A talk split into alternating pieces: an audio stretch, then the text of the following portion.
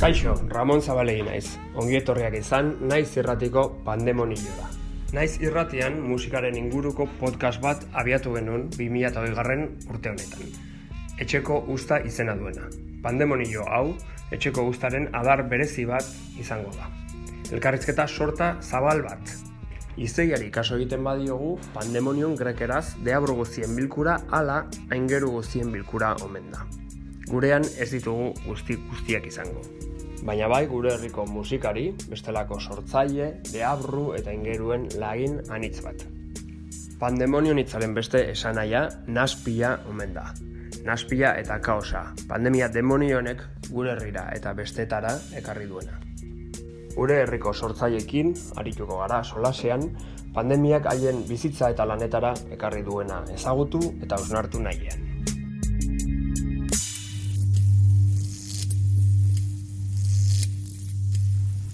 Naiz irratian zaudete eta hau pandemonioa da.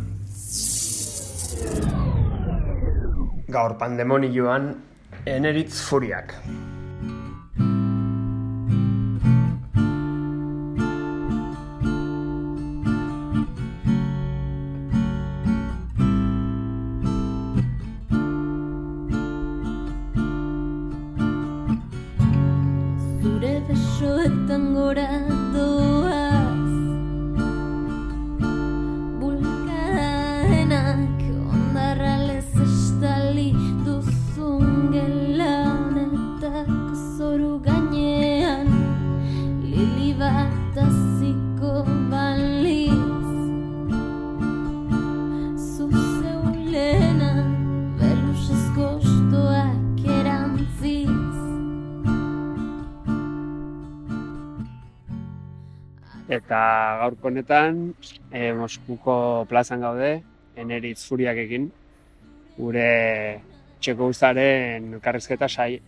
hau jarraitzeko asmoz. Kaixo, eneritz. Kaixo, Ramon, zer moduz. Ongi eta zu, zu zaude. Ongi, ongi. E, peroak akatzen, bai. baina, baina, bueno, pozik e, irunen nagoelako, egia esan. Erki, basiko bera galderekin, da, bueno, virusa eta e, gertutik bizitu duzu edo bizitzen ari zera?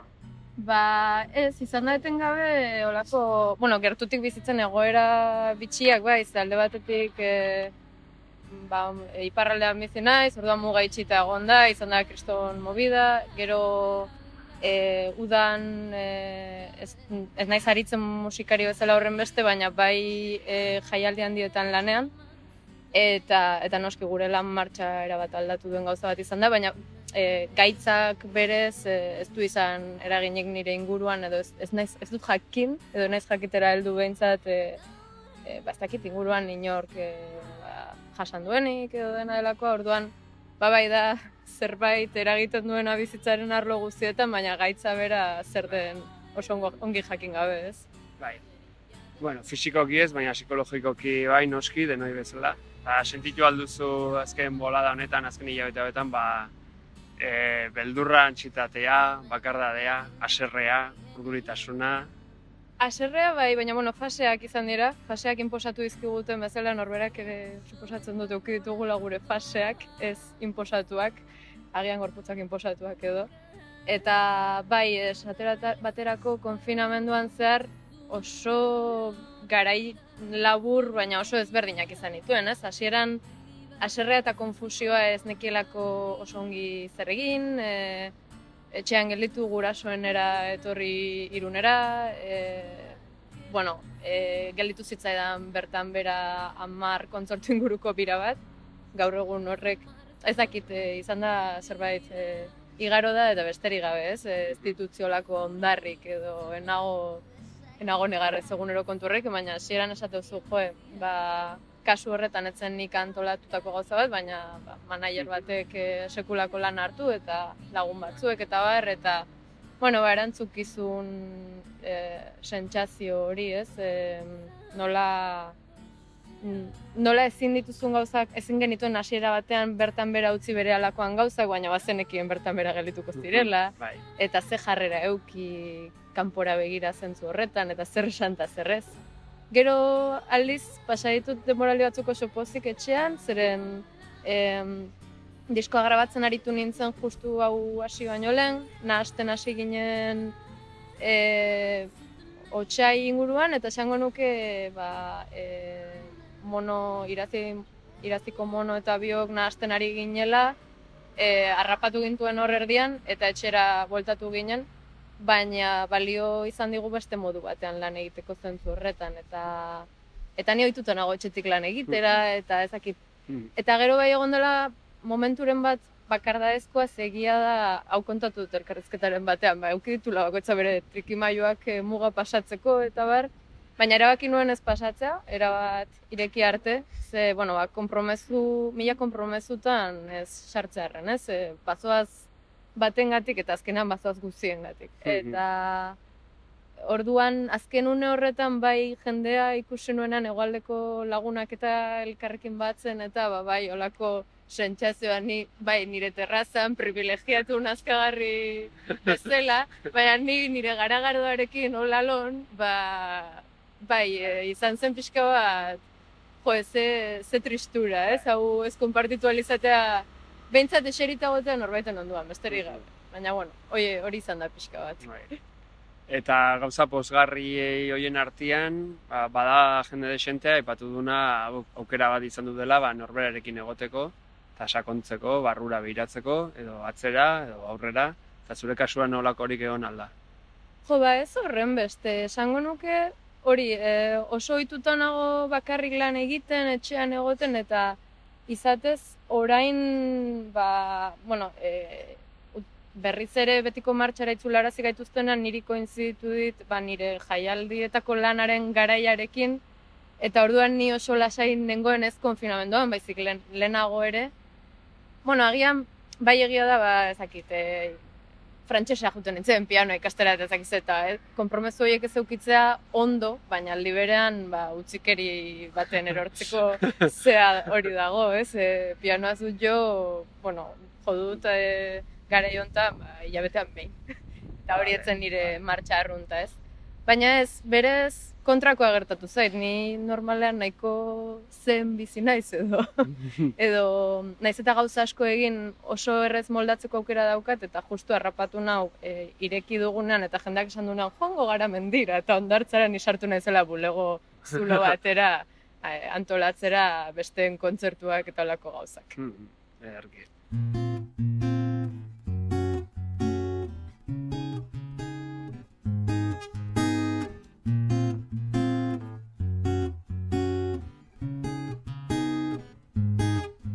Amets, ernek baitu zidaten gaua eta Begirik biltzerik ere enuen izan. Mendetan iena ez urtsu baten antzera.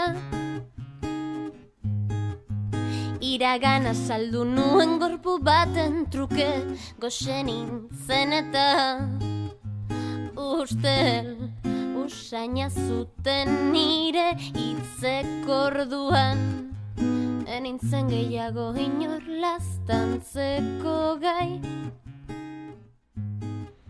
E, aipatu duzu lehenago, amar kontzertuko bira bat bertan bera geratu zela, eta, bueno, ze beste proiektutan, edo ze, ze martxa zenuen hau- guzti hau gertatu horretik, eta zer eragin izan du guztiak e, ba, zure proiektu horietan.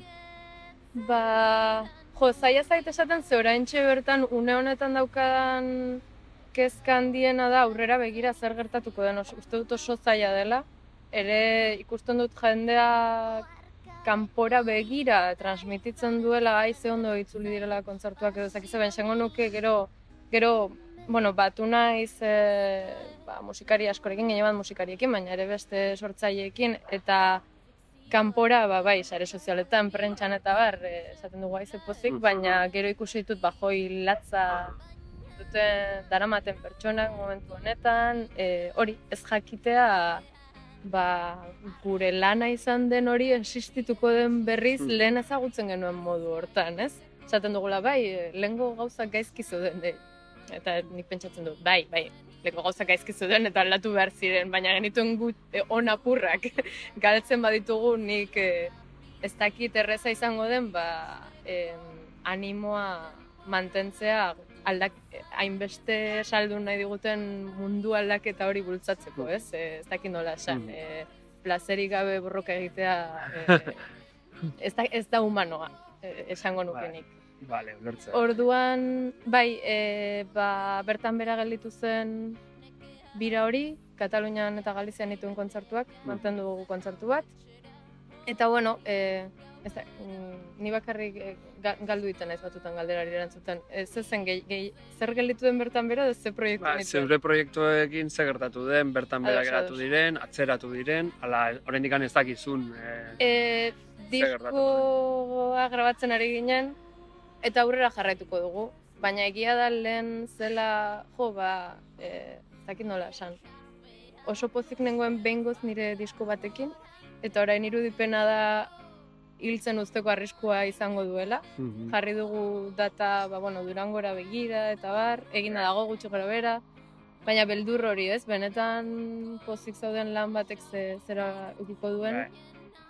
Eta ba bestela, ba ez dakit, bai, kontzertuei eragin die, baina ni ere udan geldirik egoten naiz, orduan oso zaila egiten zait. Em, perspektiba arrunt bat eukitzea zertan eragin didan, e, bertan bera gelditu ziren kontzertuei ez gain.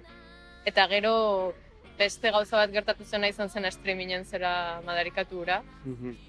E, eskertzen dudala ba, udal eta zea batzuen ba, bueno, konpromezu saiakera hori, saiakera esango dut, ze gehiago zut esango.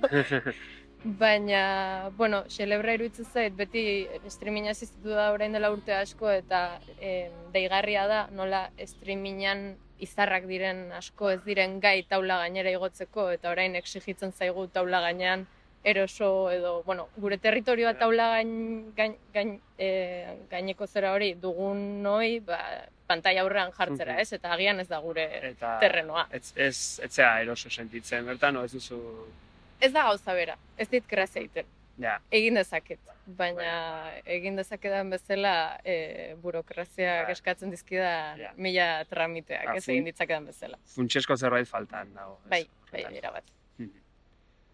E, aipatu duzu ba, udaletxe batzuk eta bo, egin dituzela hor alegin batzuk e, eta beste sektore batzutan adibidez e, orain terraza batean gaude, ba, ostalaritzan adibidez, ba, egin dira esfortzu bereziak, ez, e, aktibatze aldera, eta uste duzu kulturgintzan, o kulturan egiten ari direla, egin direla, Egin da, baina kultur gintzatik. Mhm. Eta, eta bueno, esate baterako hori ni udan ez dabil jotzen, baina bai emanuen larrabetzun kontzertu bat, eta ba, jendea zegoen banatuta, eta neurriak bete ziren, eta bar, gero lanean ari naiz e, e, Donostiako musika ostaldian eta erotzen ari gara neur eskatzen diren neurriengatik, ez? E, aforoa erdia da, maskarillarekin ikusi behar dira kontzertuak, ezin zara pixa egitera, atera eta ari gara hitz egiten publiko heldu batez.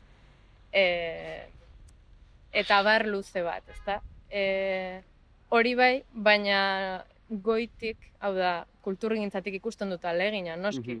Kulturak, su- kultura salbatuko ez badu, bueno, galduta ja geundekera bat, ez? Baina, baina ba, bueno, erantzukizun potenteagoa dituzten zera hoien aldetik, ba, politikarien aldetik eta erakunden aldetik eta ba, ez dakit zer esan. Ni beldurrez bizi naiz, ez, na- e, ez diate konfiantzarik emanten Mhm. ikusita esate baterako, e, ez dakit ostegunean izan zen edo, e, xixongo, bueno, e, bazen makrofestival bat, makro zena, bihurtu zuten alternatiboagoa, zortzireun eta mila pertsona arteko aforo bat buruzari naiz, espazio oso handi batean, eta dena muntatua zuten, e, ostegunean, eta ostiralean, e, etorri zitzaian lekuko gobernua esan ez, e, ezin zutela egin. Ja.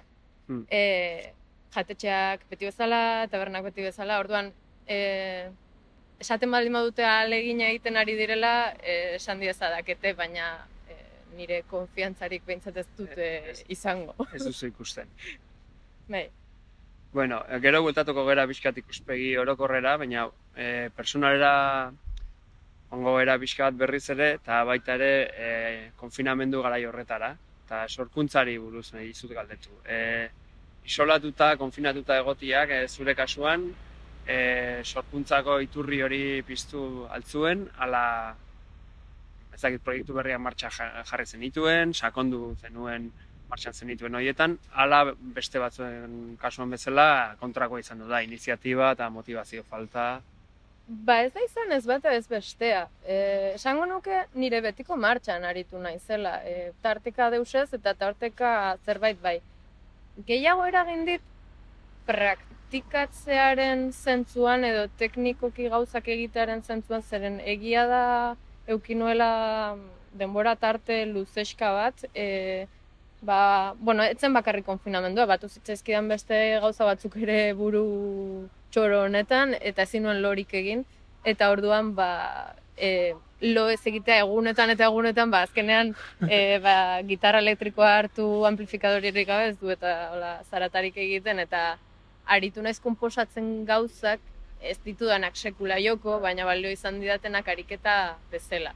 Orduan, ariketa aldetik, e, bai egon da zerbait, baina ez horren beste sorkuntza aldetik. Ez da ere ez nuke esango eragin didanik sekulako lehortea sorkuntza Mhm. aldetik. Mhm. Mm, Betiko martxan zentzu hortan, baina ariketa gehiagorekin. Hmm. Hakizu, surrealista egiten zutela ariketa hori, ez? Eh, Lorik ez, Bai. lorik ez egitearena, eta gero hortik Bueno, nik, zea, e, zen. zentzu horretan nahi, nahikoa dut gau izuak eukitza ditu dela, eta horrekin nahikoa dut e, nik neuk ariketa hori ez du ez nuke behartuko nire buruan. Ja, nahikoa saltxa baditut nire loarekin. Be- Eh, berezkoa hori okerra gotzeko, bai.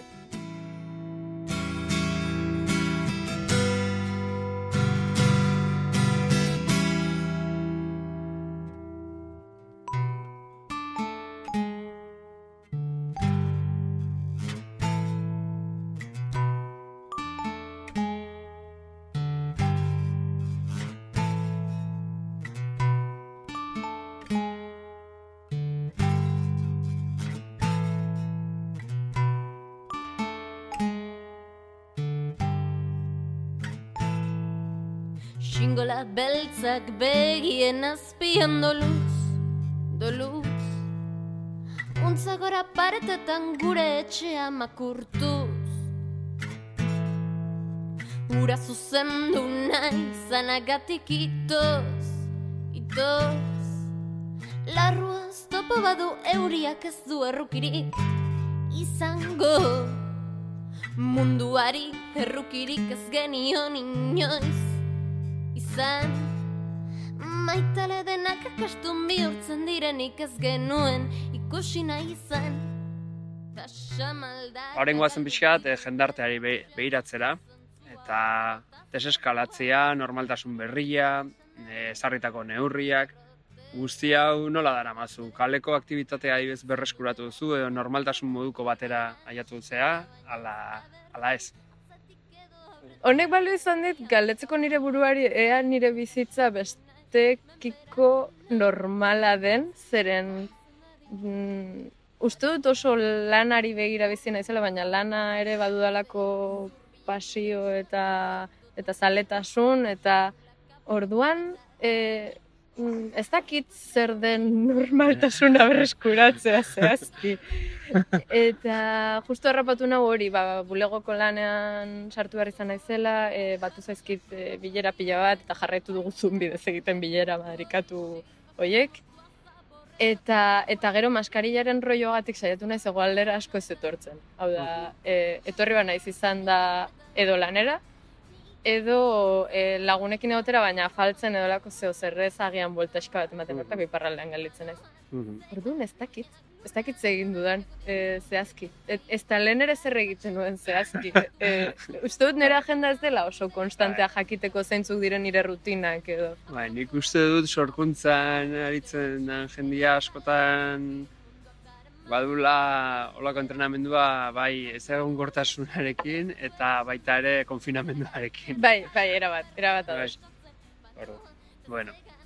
E, beste galdera bat, maskarilla, distantzia fisikoa. E, geure artean harremantzeko moduak e, aldatzen ari dira, aldatuko dira, isolatuak egotiak individualismora edo gehiagora eramango baitu. Nola ikusten duzu guzti hau? Ba, ez dakit, e, galdera zaila da, galdera zaila da. E, nire beldurra batean bai da e, ez dute gaituen gehiago banatuko, baina bueno, iritzetan edo mundua ikusteko moduetan, e, zentzururik e, kaltegarrienean edo. Baina hori gertatzen bada ere, iruditzen zait badela, lehen gertatzen zen zerbaiten e, azpimarratzea edo Mhm. Ez dela bat batean sortu den gauza bat. Iruditzen zait gauza asko agerian gelditu direla, urgainan gelditu direla, baina hor Aha. zeuden. Orduan, e, iruditzen zait batzutan era itzakia bezala erabiltzen dela, ez? Jendea dabil gaiztotuta edo bestea salatzen eta ez genuen egiten dagoeneko lehen eta niretzat e, ez dakit mundu hainbeste aldatu duen honek. Bai. Edo soilik e, zaplasteko bat izan den. Azaleratu du bertan zegoena, Bai, bai. Aldez aurretik. Bale, galdera zaiekin jarraitzeko, eh, beste bat. Historiak irakatsi dugu, ba, beldurra eta ezin egona nagusitzen direnean, jendartak baduela joera konservadurismora jotzekoa, e, obedientzia eta olako baloreak e, ba, azpimarratzekoa eta desberdina dena zigortzekoa ere. Eta olakorik ikusten duzu, ala olakoren beldurrik baduzu. Ba, bai, baina lehengo gauza bera erantzungo nuke. Esango nuke ba zela joera dagoeneko eta eta ez dakit, e, ala ere jo, aurreko batean nekatuta nengoen eta atera nintzen leku batetik, e, non, bueno, leku horretan ez nuen eraman behar maskarilla, e, maskara eta edo musukoa. Eta atera nintzen eta mugikorrari begira ninduan, ba, egun osoan ez nuelako begiratu eta berrogeita mar metro egin dituen musukoa gabe, eta ohartu nintzen jendea gaizki begira nuela eta ez neken zergatik, ez? Eta jantzen nuen maskarilla eta gero pentsatu nuen, jendeak galera normala ez dizu normal behiratzen, ez, dakit. E, eta etengabe zirkulo bizioso hori, ez? Orduan, Egia. E, bai, egia esan, bai gauza batean e, bai emango nioke arrazoia, e, bueno, ba, ez dakit, planteamendu horri, ez? Eta da, ba, hori, e, ba, eskuin muturrak eta, eta bueno, horrelako diskurtsoek, ba, oraindik eta ba, zir, zirrikitua zen hori e, ba, bihurtzen da olako ate zabal bat, ez? Eta Mm. zentzu horretan bai esango nuke, ba, bueno, tentu zibiltzeko gauza bat dela. Ederki. E, bueno, noiz, noiz izan du zen, eman du, o noiz izan du da eman duzun azkeneko kontzertua. E, datekin oso txarra naiz, baina uztail erdialdean.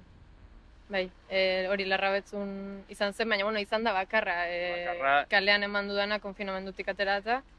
Eta hurrengo irailean dauka eta horri ikusita, baina bueno, kandelak pizten ari, aritu beharko naiz. Eta uste duzu harremanen inguruan aritu gera, eta uste duzu zure publikoarekin harremana desberdina izango dela, edo kon, emandako kontzertu horretan nabaitu zenun desberdintasunik, ala...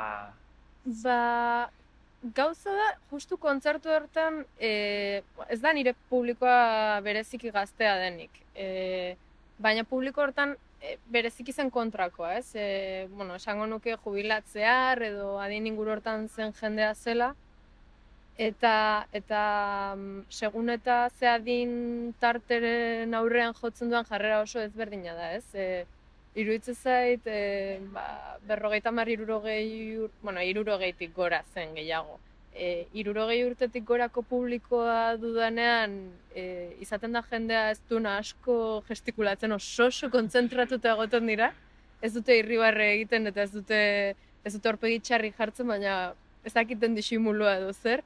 Baina bai super kontzentratuta eta eta hori, baina eroso ikusi nituen aldi berean. Orduan, oraingoz nik uste dut, ez bada egoera arrarorik, bueno, arrarorik,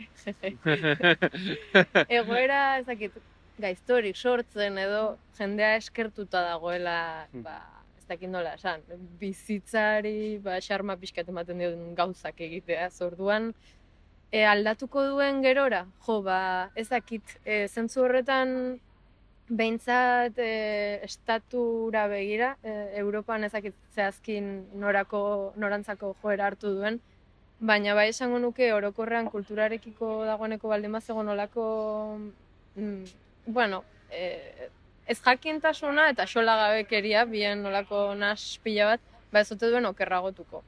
eta eta ez ote duen areagotuko e, ikuspegi hori, asko ikusten dudana e, bai hegoaldean eta bai Espainiar estatuan, dela ez baldin bazara, ez baldin bada zure izena ezaguna edo ba loser bat zarela, ez? E, ez da eta eta bueno, beti jartzen jartzen dut adibidea, ez? Ba Bueno, ez dakit, e, ze esan, baina bersatxe ezaguna izatek ez du esan nahi e, auzoko jostunak ez duenik bizibide duin bat eta eta komunitatea sortzen eta abar luze bat, ez? Eta eta ikuspegi hori ez den oraindik eta gehiago kerragotuko. Dela gauza bat ez dudana bai e, edabideetan ikuspegi hori bultzatzen dela mundu mailan, baina gero esango nuke lekuko e, sortzaileak eta e, Europako herrialde askotan ba ez zaituzte eukiko e, sekulako mirespena sortzen dieten zera bat bezala,